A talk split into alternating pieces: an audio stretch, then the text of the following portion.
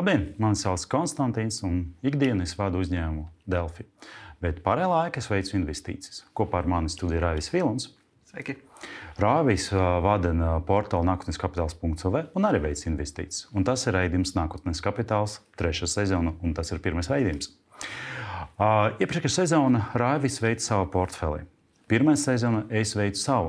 Atšķirība ir būtiskāka, tāpēc ka es fokusēju tikai uz ASV akcijiem, Raivis attiecīgi fokusējas uz alternatīviem veidiem, un tāpēc viņa portfeli ir kriptovalūta, peer-to-peer investīcijas un baltais akcijas. Un pēc vasaras atvaļinājuma, pirmā šodienas raidījuma, mēs pastāstīsim par to, kā mums veicas ar mūsu abiem portfeliem. Es sākšu ar savēju un ar to, kā veicas ar SP 500. SP 500 diemžēl nokrita. Un mēs arī redzam, ka šis kritums ir bijis pietiekami liels. Jo, ja tagad mēs runājam par reitingu 4,1 tūkstoši, tad vēl gada sākumā bija 4,8 tūkstoši, tas ir minus 13%. Vienlaicīgi mēs varam ieraudzīt, ka īstenībā kritums lielākais, zemākais posms bija jūlijā sākumā. Un pēc tam uh, SP 500 sāka augt. Un eh, šis pieaugums saistīts ar vienu lietu, ka uh, inflācija ASV sāk samazināties, bet, diemžēl, uh, pēc augstas inflācijas ASV ekonomika būs jācīnās arī ar recesiju. Kā uz to fona izskatās mans portfelis? Manuprāt, pietiekami labi. Tāpēc, ka uz šo brīdi es investēju 2450 eiro, un vakardien mana portfeļa vērtība bija 2442. Tā kā faktiski mīnus 0,3% ienesības. Tas ir ļoti labs rezultāts, tāpēc, ka vēl pavasarī, kad mēs radījām savus portfeļus, tad dažus momentus ienesības bija minus 18%. Kā man izdevās to panākt? Ar ļoti vienkāršu stratēģiju. Tu pašu arī dari ar Raivis. Mēs katru nedēļu investējam nelielu summu, un mēģinām to summu proporcionāli sadalīt starp visiem saviem investīcijas veidiem. Šeit ir parādīts, cik daudz es investēju katrā no segmentiem. ETF-os, kur es plānoju investēt 20%, un tagad 19,38 ir investēts, parāda nelielu, bet tomēr pieaugumu 2,3 eiro vai 0,5%. Ļoti labi parādīja sevi enerģētika, kā arī viss, kas saistīts ar pārtiku. Bet arī ir divi segmenti, kā neveicas tik labi. Un tagad drusku sīkāk par katru no šiem segmentiem. Ja mēs runājam par ETF-iem, tad ir divi mani uh, portfeli. Tas ir Vanguard SP 500, kas faktiski kopē uh, SP 500 visas akcijas. Un ir jāatzīst, ka tikai pēdējā laikā tas sāk augt. Un līdz ar to, ka es piepirku akcijas tad, kad tirgus gāja uz leju, tad attiecīgi vidē akciju pirkuma cena samazinās. Tāpēc mēs arī redzam to pieaugumu. Interesanta lieta, ka daudzi runāja par to, ka šogad būs elektroautobīļu bums, kā arī ir. Ir ļoti liels deficīts. Un ETF, kas apvieno zem sevi elektroautomobiļu ražotāju baterijas, tomēr neperformē tik labi. Tā kā dažreiz ar realitāti akcijiem nav nekāda sakara.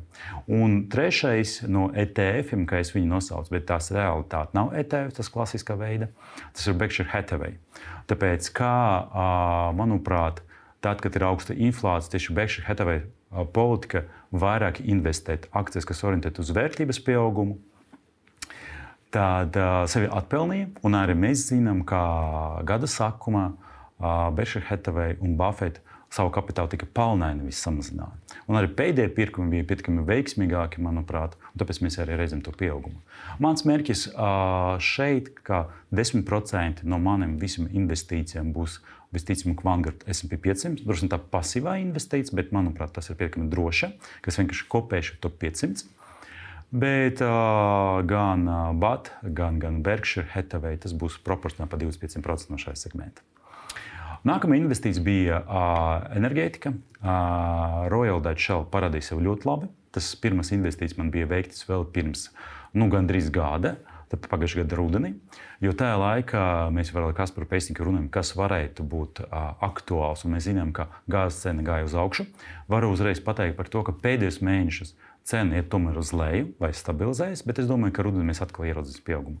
Bet pēdējā laikā ļoti laba performance Energy, kas ir uzņēmums, kas ir orientēts uz zaļu enerģētiku. Bet ir jāatzīst, ka tas notika tikai pēdējos mēnešus. Pirms tam tas bija uh, mīnusos. Uh, Viss, kas saistīts ar pārtiku, ir arī savos plusos. Gan McDonald's, gan Coca-Cola, jo faktiski viņi inflāciju, augstu inflāciju pārnesa uz gala patērētāju pleciem. Arī ir tāds ne, nezināms uzņēmums, Mozaika kompānija, kas īstenībā nodarbojas ar lauksaimniecību, lauksaimniecības produkciju un dažādiem uh, izvēlēm priekš uh, lauksaimniecības uh, segmenta. Un, uh, tas investēs veids pēc tā, ka sākas karš, tāpēc ka bija skaidrs, ka būs uh, šajā kāra dēļ Ukraiņa nevarēs izvēst savu o, ražoto produkciju no teritorijas, un tāpēc pieprasījums būs pietiekami liels un būs liels deficīts. Ir arī jāatzīst, ka pēc tā pirkuma uzreiz akcijas samazinājās, bet pēdējā laikā mēs novērojam pietiekami labu pieaugumu tam visam. Kas tālāk? Nākamais segments saistīts ar finansēm. Šeit es varu pateikt, ka man varbūt stratēģija nebija ļoti veiksmīga. veiksmīga tāpēc, ka tad, kad es pamanīju, ka JP Morgan banka iet uz leju, es investēju pietiekami daudz, lai, lai, lai uh, samazinātu uh, video pirkumu cenu. Kā arī šajā segmentā man bija Tirko banka, ko es pārdevu uzreiz pēc kara sākuma. Uh, un, un tāpēc gan Gan tāpēc, ka neuzskatīju, ka būtu pareizi atbalstīt Krievijas Federācijas banku, gan arī bija skaidrs, ka tagad šai bankai būs problēmas, kas, diemžēl, arī realitāte notika. Un tāpēc kaut kādā brīdī šis segments bija ļoti liels no visiem pārējiem, bet pēdējā laikā tas izlīdzinājās. Un arī liels jautājums, ko man darīt tālāk, tāpēc ka šajā segmentā ir Mastercard un Visa, kas faktiski kopē viens otru, un faktiski man vajag akciju tikai viena no šiem uzņēmumiem. Un noteikti, ka šajā segmentā man pietrūka kāda no apdrošināšanas uzņēmuma. Es vēl par to domāšu, un visticamāk, veikšu šeit izmaiņas. Uh, tehnoloģijas. Interesanta lieta, ka šogad bija daudz sarunas par to, ka ir, varbūt nav nepieciešams tagad veikt uh, līdzekļus tieši tehnoloģiju un tehnoloģiju, tāpēc ka viņi ies uz leju. Un mēs arī ieraudzījām to gan Apple, gan Microsoft, gan Google Alphabet uh, korporāciju. Viņi visi maksas gāja uz leju, bet pēdējā laikā mēs atkal redzam pieaugumus, tāpēc ka joprojām visas trīs korporācijas ļoti labi atskatīs par savu peļņu.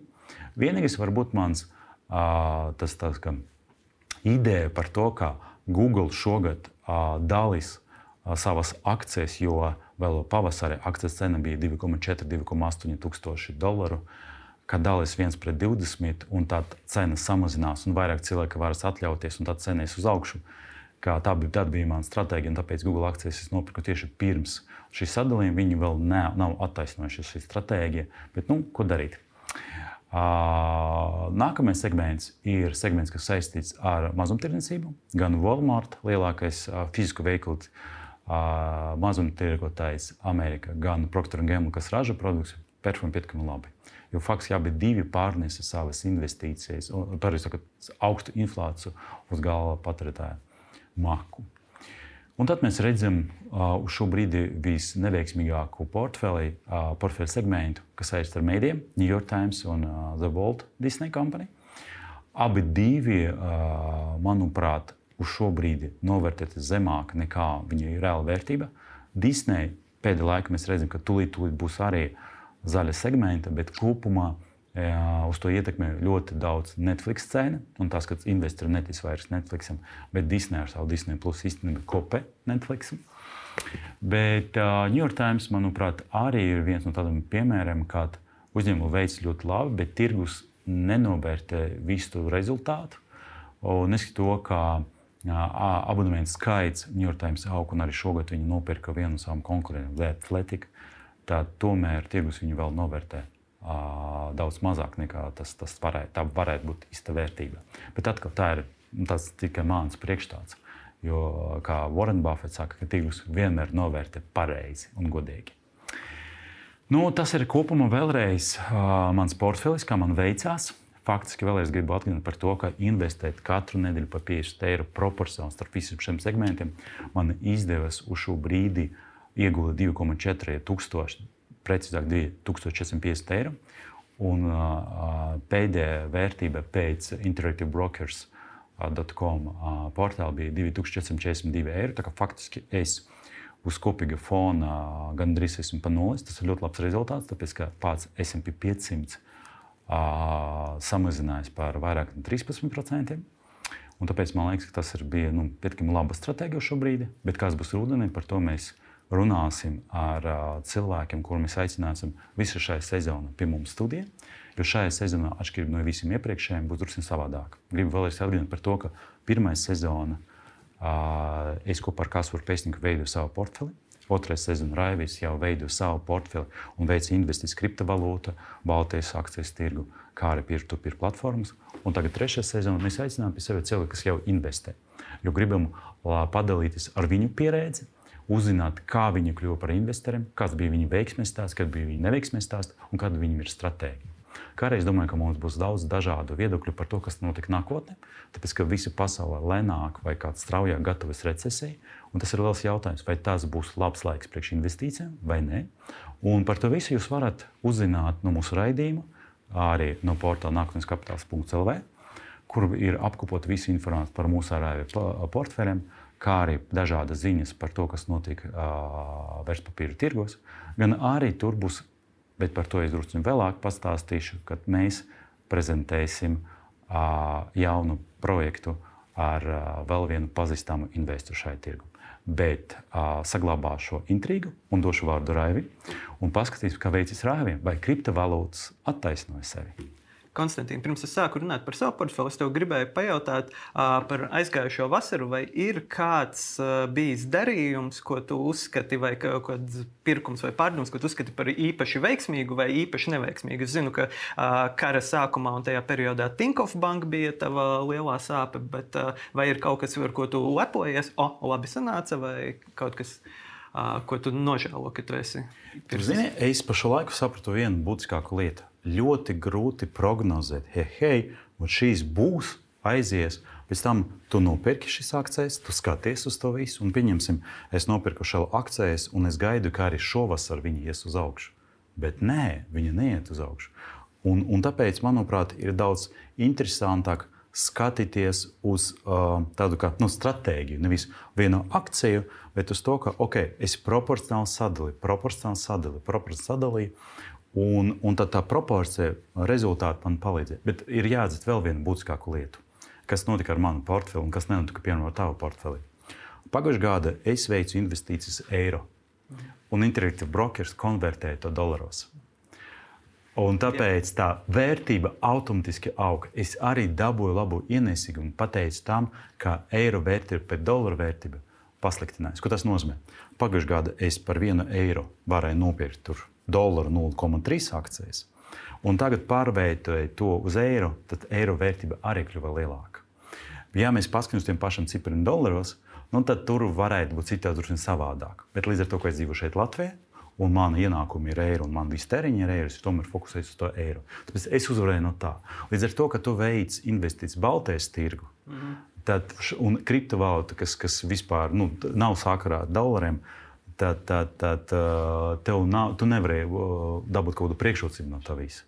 Tā tas ir varbūt mākslīgais, labs investora sajūta, bet es to ļoti labi saprotu. Tā ir laba lieta, un es turpināšu to investēt. Un, protams, ka tas ir tiksim, nu, laba lieta. Ja slikta lieta, tad, nu, manuprāt, es joprojām uh, uzskatu, ka tas, tas, tas investīcijas mediju segments bija no vienas puses emocionāls. Man patīk Disneja tāpēc, ka tur ir Marvel, tāpēc, ka tur ir Star Wars un viss pārējais.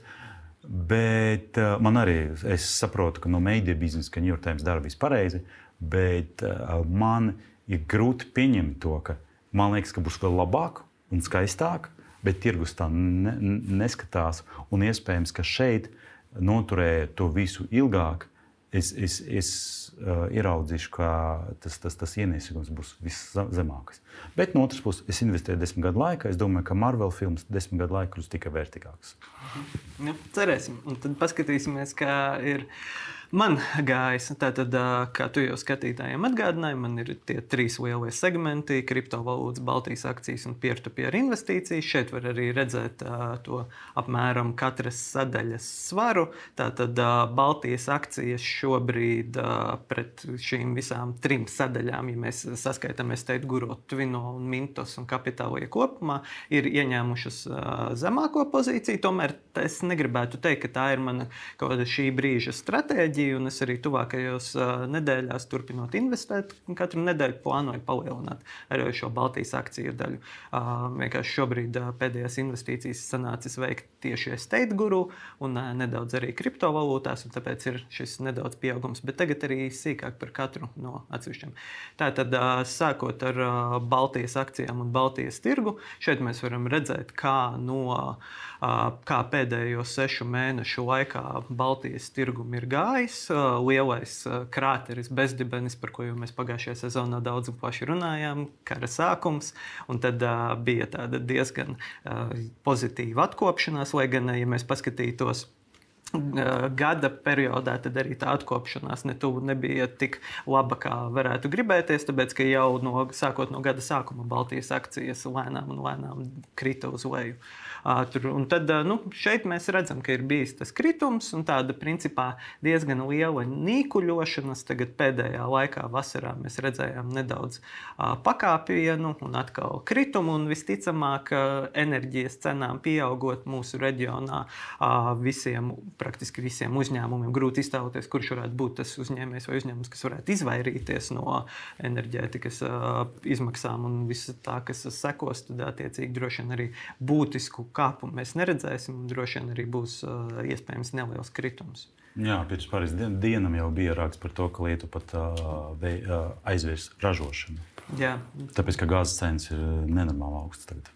Tieši tā. Vienīgais uh, pozitīvais varētu būt uh, tas, kas nu, neobligāti ir pozitīvi, bet uh, ņemot vērā, ka Baltijas akciju tirgus ir salīdzinoši neliels, mums arī nav ārkārtīgi liels tas, jo nav jēga šeit būt spekulantiem, kuri mm -hmm. tad nodarbojas ar akciju pirkšanu, pārdošanu, kuri tad var mākslīgi kaut kādos brīžos akcijas pacelt vai atkal nosist uz leju. Tāpēc uh, pastāv liela iespēja, ka milzīgs kritums tuvākajā laikā nebūs. Drīzāk tā varētu būt tāds neliels, stabils kritums, un tāda nīkuļošana līdz, nu, cerams, pavasarim vai kādam brīdim, kad elektroenerģijas un visas pārējās izmaksas atslābs, un tad mēs varētu atkal sākt iet uz augšu. Jo citos tirgos, un tālāk es parunāšu par kriptovalūtām, piemēram, bet arī lielajos akciju tirgos, tur var būtiski redzēt to, kā spekulantu un arī parasto amatieru mm. investoru emocijas bieži vien būtiski var ietekmēt šīs cenas īstermiņā un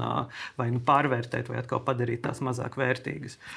Un šeit ir arī mans šī brīža portfelis, Kopumā man ir ieguldīti 537 eiro, zaudējumi ir ap 4%. Jāsaka, ka lielākie zaudējumi ir finanšu sektorā, tad Šauļu banka un Kopa banka ir zaudējums, bet arī visi pārējie. Un, toties pēdējā laikā ļoti pozitīvs rezultāts uzrāda Enefits un Ignitis, jo elektroenerģija ir tagad lielais jautājums svarīgais un ka Enefits Benefit Green ir tātad liela komponente ir tieši zaļā elektroenerģija, tā, kas ir būtisks, būtisks jautājums mums tu, tuvākajā laikā. Ir. Un Ignitis arī ir zaļā komponente tas uzņēmumā, tā kā arī tas palīdz visticamāk augt. Tāpat SAF tehnika. Jāsaka, ka pa visu šo periodu faktiski SAF tehnika ir laikam bijis mans stabilākais uh, ieguldījums, jo neskatoties uz to, kurā brīdī es pats esmu pircis akcijas un kāda ir tirgus situācija, kopumā pārsvarā vienmēr tā bilance SAF tehnikai ir zaļa. Tas ir tāds uh, patīkams. Uh, pa laikam Madara uzrāda salīdzinoši pozitīvs rezultāts. Pēdējie rezultāti nebija tik labi, ja viņi samazināja visas prognozes. Jā, diemžēl tā ir. Bet nu, pa, pavasaru tur bija labie brīži, sliktie brīži un tā tālāk. Un, uh, Tad arī, nu, protams, uh, Taulinks un Otrs, novatūras arī nepārāk šobrīd uzrāda labs rezultāts, jo nu, nav, nav īsti tas labākais periods varbūt turismam un pārvadājumiem. Cilvēki jau sāk krāt savu naudu ko OMX Baltic Benchmark Fund, kas apkopo faktiski tirgotākos un populārākos uh, Baltijas akciju uzņēmumus, arī ir uh, nu, mīnusos. Jo, ja mēs salīdzinām ar iepriekšējo brīdi, jo es uh, šīs akcijas iegādājos pirms kara Un, mm -hmm. attiecīgi, tas bija salīdzinoši augsta cena. Bija, tajā brīdī mēs salīdzinām ar tagadējo. Un šeit var redzēt akciju īpatsvaru. Šobrīd tā ir sanācis, ka Tallink ir viens no lielākajiem manā portfelī. Viņus pakāpeniski nedaudz iegādājos, bet arī nav tā, ka būtiski, kā jau es esmu iepriekšējās sezonas noslēgumā teicu, šobrīd man nav izteikta sajūta, ka kāds no šiem uzņēmumiem, kurus es uh, nu, nav tā, ka mums ir milzīga izvēle, bet pietiekoši Jā. rūpīgi atlasīju. Man nav sajūta, ka kāds no šiem uzņēmumiem būtiski. Uh, slikti performētu kopumā, biznesa rādītāji ņemot vērā apstākļus, šim uzņēmumam vēl aizvien ir diezgan labi.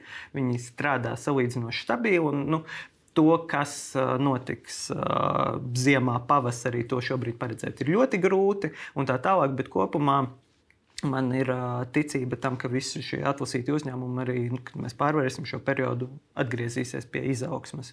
Un tā, un tad arī mana stratēģija turpmāk še, visticamāk būs līdzvērtīgi iegādāties šīs akcijas pagaidām. Varbūt neliels uzsvars tagad varētu būt vēl kādu mēnesi uz enerģētikas uzņēmumiem, pēc tam jau visticamāk tie atkal kļūs jau pārvērtēti, un uh, tad jau nebūs vairs obligāti vērts tieši šajā brīdī pirkt. Uh, kā, kā mēs esam ar tevi runājuši, pirkt var jebkurā brīdī, Jā. bet tikpat labi tad es varu to naudu novirzīt atkal uz citiem un tā pakāpeniski turpināt palielināt savu portfeli. Tālāk, ar Baltiju. Kas norāda to faktu, ka šī stratēģija katru nedēļu ieguldīt dažādus instrumentus, mm -hmm. vai tā stratēģija darbojas?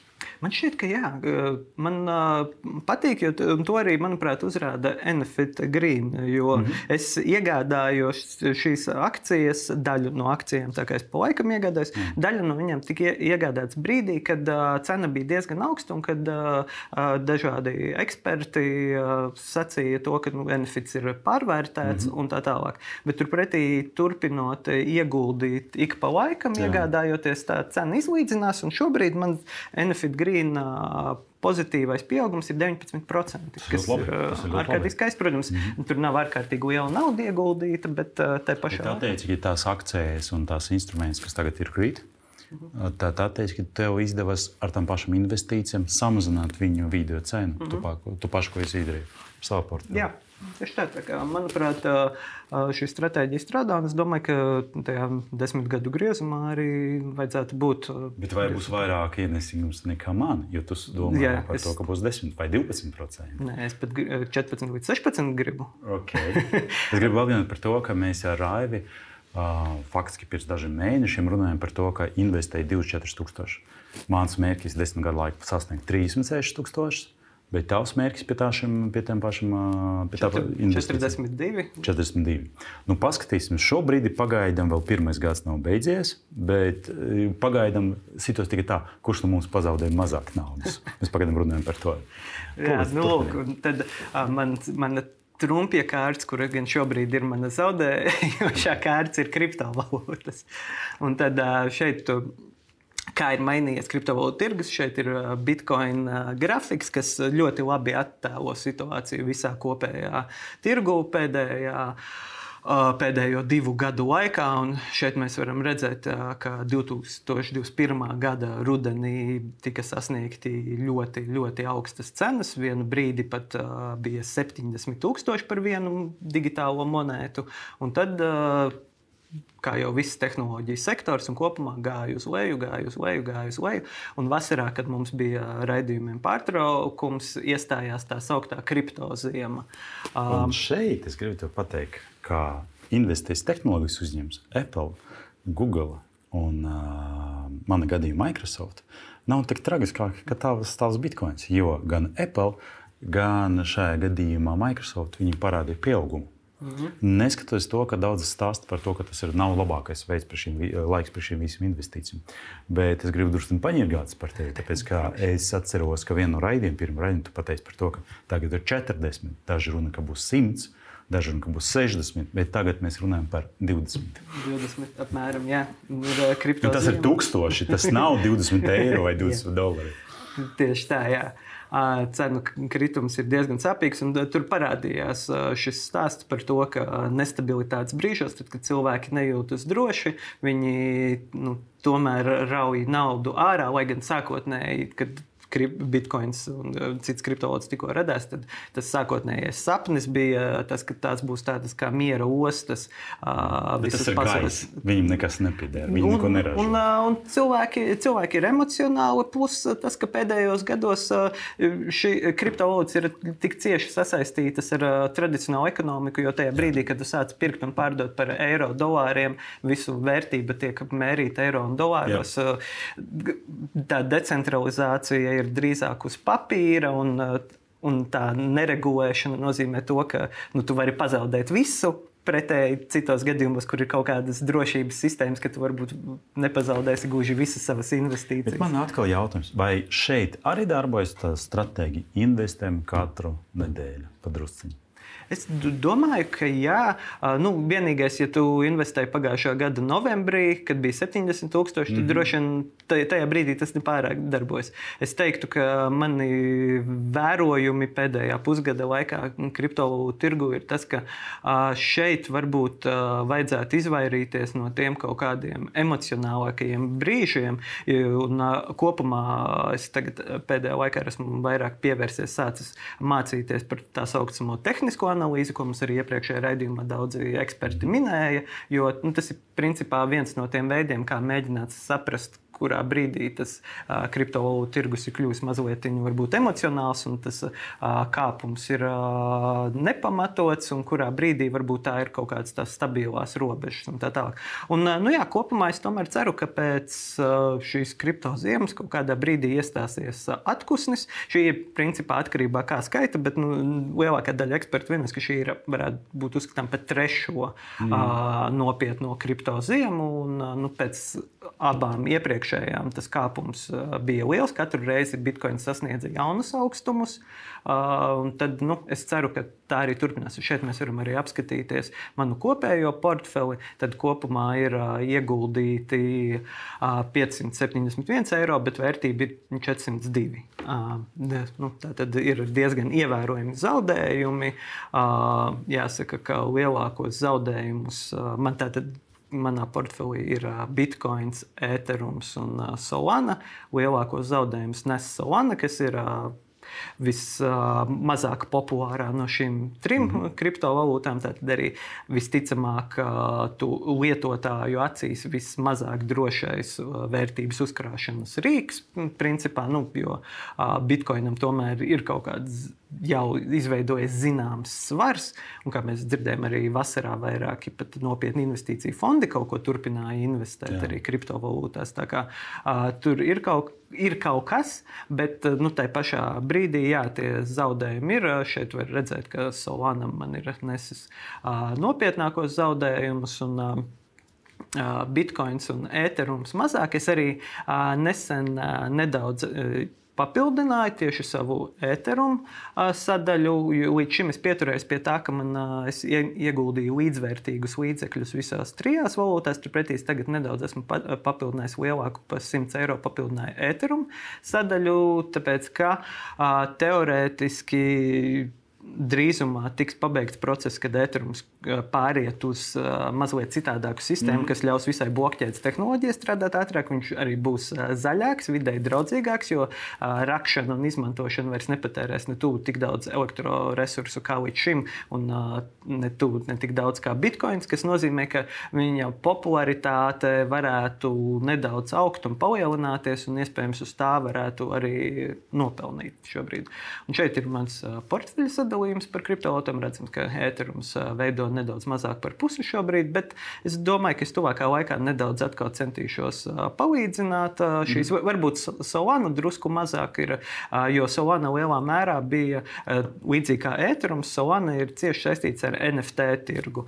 Un, ja es par kriptovalūtām kā tādām esmu diezgan drošs un ēterumu blokķēde ļaus, izman, ļaus veidot ļoti daudz dažādus tos NFT risinājumus, kas saistīti saistīti, kā mēs iepriekšējā sezonā citos raidījumos runājām, ļaus veidot gan kaut kādas drošības sistēmas, biļešu tirdzniecības un tā tālāk. Tur tiek likts diezgan daudz cerības. Tad arī teorētiski Solanai arī tādas pašas ir iespējas, bet jautājums, vai tajā brīdī, kad ēterums maina savu sistēmu, viņš kļūst ātrāks, viņš kļūst labāks, viņš kļūst plašāk pielietojams, vai netiks apēsta tā kaut kāda Solanas daļa arī, kas šobrīd vēl ir diezgan aktīva. Tā kā par to es paskatīšos. Bet jā, kopumā es turpināšu pat druskai ieguldīt arī šeit, jo man šķiet, ka nu, tas varbūt ne obligāti tuvākā pusgada laikā varētu būt, bet kripto ziemē teorētiski vajadzētu arī beigties. Cerams. un tad uh, ir trešais segments, peer-to-peer investīcijas. Ļoti labi rezultāti. Jā, garlaicīgākais no trim principiem. Nekas nemainās, jau viss ir. Jā, tieši tā, ja piemēram kriptovalūtas var atvērt, piemēram, spekulācijas biržu un skatīties, kā cipariņi mainās jā, jā. ļoti strauji. Un tā tālāk, turpretī peer-to-peer ir ļoti stabili, ļoti neinteresanti, bet tomēr, kā pierādās, Lai arī teorētiski uz papīra tie piedāvā iespējams mazāku atdevi nekā pozitīvākajos gadījumos, eh, gan akcijas, gan kriptovalūtas pozitīvos gadījumos var piedāvāt milzīgu atdevi, bet šajā gadījumā, ir sevišķi šādos nestabilos laikos, šķiet, ka tas ir eh, diezgan labs uh, ieguldījums. Un uh, šeit var redzēt, es esmu kapitālija izdalījis no visiem pārējiem, mm. gluži vienkārši tāpēc, ka uh, tā kā kapitālija ir uh, liels uh, šis investīcijas solis, tātad sākot no 1000 eiro es um, tolaik kapitālu uz īsu brīdi biju atvērusi iespēju investēt sākot no 100 eiro, un tajā brīdī es investēju. Un, bet turpretī šobrīd pa 50 eiro es nevaru, diemžēl, papildināt, kas, kas ir žēl, jo, kā mēs redzam, es esmu šajā laikā saņēmis pamatsumu plus procenti mm. 33,92 eiro, un arī ienesīgums ir bijis ļoti jauks. Bet žēl, ka šo naudu es nevaru izmantot reinvestējot, kā atšķirībā no citām platformām tieši kā Mintos un Twino, kur ir ļoti zems šis investīciju solis, tad attiecīgi es savu peļņu varu reinvestēt un arī izmantot automātiskos rīkus, kuri pat to dara manā vietā, kas ir ārkārtīgi jauki un pasīvi. Pasīvi, ērti un jauki. Un, nu jā, tad estate guru šobrīd lielākais man ir estate guru, tāpēc ka šis, šķiet, ka šis brīdis ir diezgan labs brīdis, lai ieguldītu nekustamajā īpašumā. Nu, juk, tādi juku nestabilitātes mm -hmm. laiki, ka uh, grūti paredzēt, ir, kā uzņēmumiem veiksies un tā tālāk, kurš uzņēmums tur var izdzīvot, vai varbūt kaut kādā brīdī kriptovalūtas beigsies un tā tālāk. Un tāpat arī uh, Mintas un Twino, kas piedāvā principā patēriņa ātros kredītus. Ja būs recesija, par kuru visi runāja, un, un runas vēl vairāk, tad arī nekustamais īpašums samazinās, tā vērtība samazinās. Tas nozīmē, ka tev ir viens puses garantēts ienesīgums, bet no otras puses ir kāds vairs nemaksās laicīgāk. Jā, jā, jā, tas Bet tas sistēmā ir tas pats notiks ar kapitāliem, viņas uh -huh. vērtības. Varētu būt arī kur papildināt. Uh, un, nu, jā, un uh, kā ir uh, iepriekš, iepriekšējās krīzēs un uh, 2008. gadā un pēc tam periodos pierādījies, nu, ka arī tie um, uh, patēriņa kredīti, kurus cilvēki diemžēl bieži vien ir spiesti ņemt, lai nosektu uh mhm. -huh. savus tekošos maksājumus, un tā, un viņi bieži vien diemžēl nav spējīgi atdot, ja jā. mēs uh, sasniedzam uh, būtisku krīzi tad uh, Mintos un Tvino savā ziņā kļūst riskantāks, jo uh, šis nekustamais īpašums, šī ēka, mm -hmm. visticamāk, uzbūvēta vai pa pusē uzbūvēta, viņa tur atradīsies. Mm -hmm. Un uh, varbūt paies uh, pusgads vai kāds periods, kad uh, ir šīs ļoti augstās cenas un tā tālāk, bet viņu varēs pabeigt, viņu varēs tālāk pārdot, izīrēt un tā, tā tālāk. Un tad tur ir lielāka cerība nekā ar šiem patēriņa kredītiem, kuri sevi nes risku. Bet es kā, kā atkal es saku, nav tā, ka es novēršos no kāda no šiem, jo kopumā man ir šajā pusgadā ir veiksmīga pieredze gan ar Mintas, gan Twino, jo neviens no maniem individuālajiem aizdevumiem man šobrīd abās platformās ir apmēram desmit dažādi. Tā nauda ir izdalīta, un viņi visi strādā, tiek laicīgi maksātas, vai arī tās mm. procentu maksas nav lielas un nav milzīgas. Tur ir, kopumā ir pozitīva pieredze. Un, jā, un arī es teiktu, guru tāpat lēnā garā tas turpina augt, tas turpina palielināt to. Un, jā, arī šo 说 savu portfeļa sadaļu es plānoju turpināt audzēt līdzvērtīgi. Tuvākā laikā Mintas un Tvino ieguldīšu vēl, un arī varbūt sezonas laikā apskatīsim arī kādus citus līdzīgus pakalpojumu piedāvātājus, kuros arī varbūt vērts ieguldīt. Varbūt tieši tagad, šajā grūtajā laikā, būs pat iespējams kaut kādas labākas iespējas nopelnīt. Varbūt kādas. Nu, bet mēs ļoti labi saprotam, ka tagad, kad būs problēmas biznesam, uh, Tad kredītlikmes ies uz augšu, attiecīgi arī teorētiski depozīta likmes ies uz augšu. Un tāpēc uh, arī riski ies uz augšu. Un tāpēc tas ir liels jautājums, vai tiešām ir vērts skriet kaut kur un dabūt 13, 14%, mm. ja var vispār rezultātu visu pazaudēt, īpaši ar nezināmu platformu. Mm. Bet es domāju, par to mēs runāsim. Vēl. Jā, nu, un, un es vēlos atgādināt skatītājiem, ka visās šajās platformās es pieturos pie diversifikācijas. Mm -hmm. Attiecīgi, kapitāli ir, nu, man ir trīs, tā kā trīs pa, katrā pa simts ieguldīts, jo nu, vienkārši mm -hmm. tādēļ, ka šur ir, bet visās pārējās es pieturos pie diversifikācijas. Es teiktu, guru, es iegūtu dažādos jaunos projektos, kas ir un arī Mintas un Tvino sadalu. Un tad, nu, kā mums visi gudri cilvēki iepriekš ir teikuši, arī pašu platformu pārstāvis. Citu, ja skatītāji vēlas, var apskatīties iepriekšējās sezonas raidījumus, kur pašu platformu pārstāvis stāstīja, kā investēt un kā labāk to darīt. Un tad par to diversifikāciju ir ļoti svarīgi. Jo, nu, uh, nu, tad, uh, tas bija tas pēdējais tavs investīcijas veids, kas var, tad kurš no mums uh, performē labāk? Jā kurš no mums ir veiksmīgāks investors. okay. Tad tomēr uz šo brīdi ir labāk investēt pārbaudītas vērtības, klasiskas ASV akcijas. Bet es no otras puses varu pateikt, ka viena no tiem rezultātiem saistīts ar eiro un dolāra svārstību, un es no tā ļoti daudz uzvarēju. Un otra lieta, ka ok, varbūt ASV akcijas tagad ir drošākas salīdzinot ar kriptovalūtu, bet ja mēs paskatāmies pārējiem, Peer-to-peer platformas performa ļoti labi. Mm -hmm. Baltijas akcijas tirgu ir ok. Vienīgais, kas, kas visu dzēnu uz leju, ir kriptovalūtas. Tikai vien, viens jautājums, vai cik liela ir jābūt tava portfeļa kriptovalūtai. Bet kopumā arī minus 7,9% ir ļoti labs, jo atkal tas pats SP500 performē ar daudz lielāku minusu šogad. Jā. Tas bija raidījums Nākotnes kapitāls. Šis bija pirmais raidījums no trešās sezonas. Šajā raidījumā mēs salīdzinām, kam no mums ir labākais portfelis. Ir jāatzīst, ka šobrīd ir labākais ir klasiskas ASV akcijas. Kas būs nākotnē, to mēs vēl nezinām. Iespējams, ka drīz mēs ieraudzīsim, kā arī ASV tirgus ies uz leju, un tieši kriptovalūtas mūs visus izglābs. Iespējams, ka nē, ka tieši viss turpināsies un kriptovalūtas performance sliktāk. Par to mēs uzzināsim tikai nākotnē. Bet visu šo sezonu mēs tiekamies ar dažādiem cilvēkiem, kas ikdienā domā par investīcijām, paši veids investīcijas, un mēs mēģināsim saprast, kādi, kādas lēmumus viņi pieņem. Tad, kad ir veiksmīgākas lietas, notiek, kad notika neveiksmīgas investīcijas un kādas stratēģijas viņi pieturās. Un par to visu jūs varēsiet uzzināt mūsu raidījumā Nākotnes kapitāls, kā arī mājaslapā nākotnes kapitāls.lv.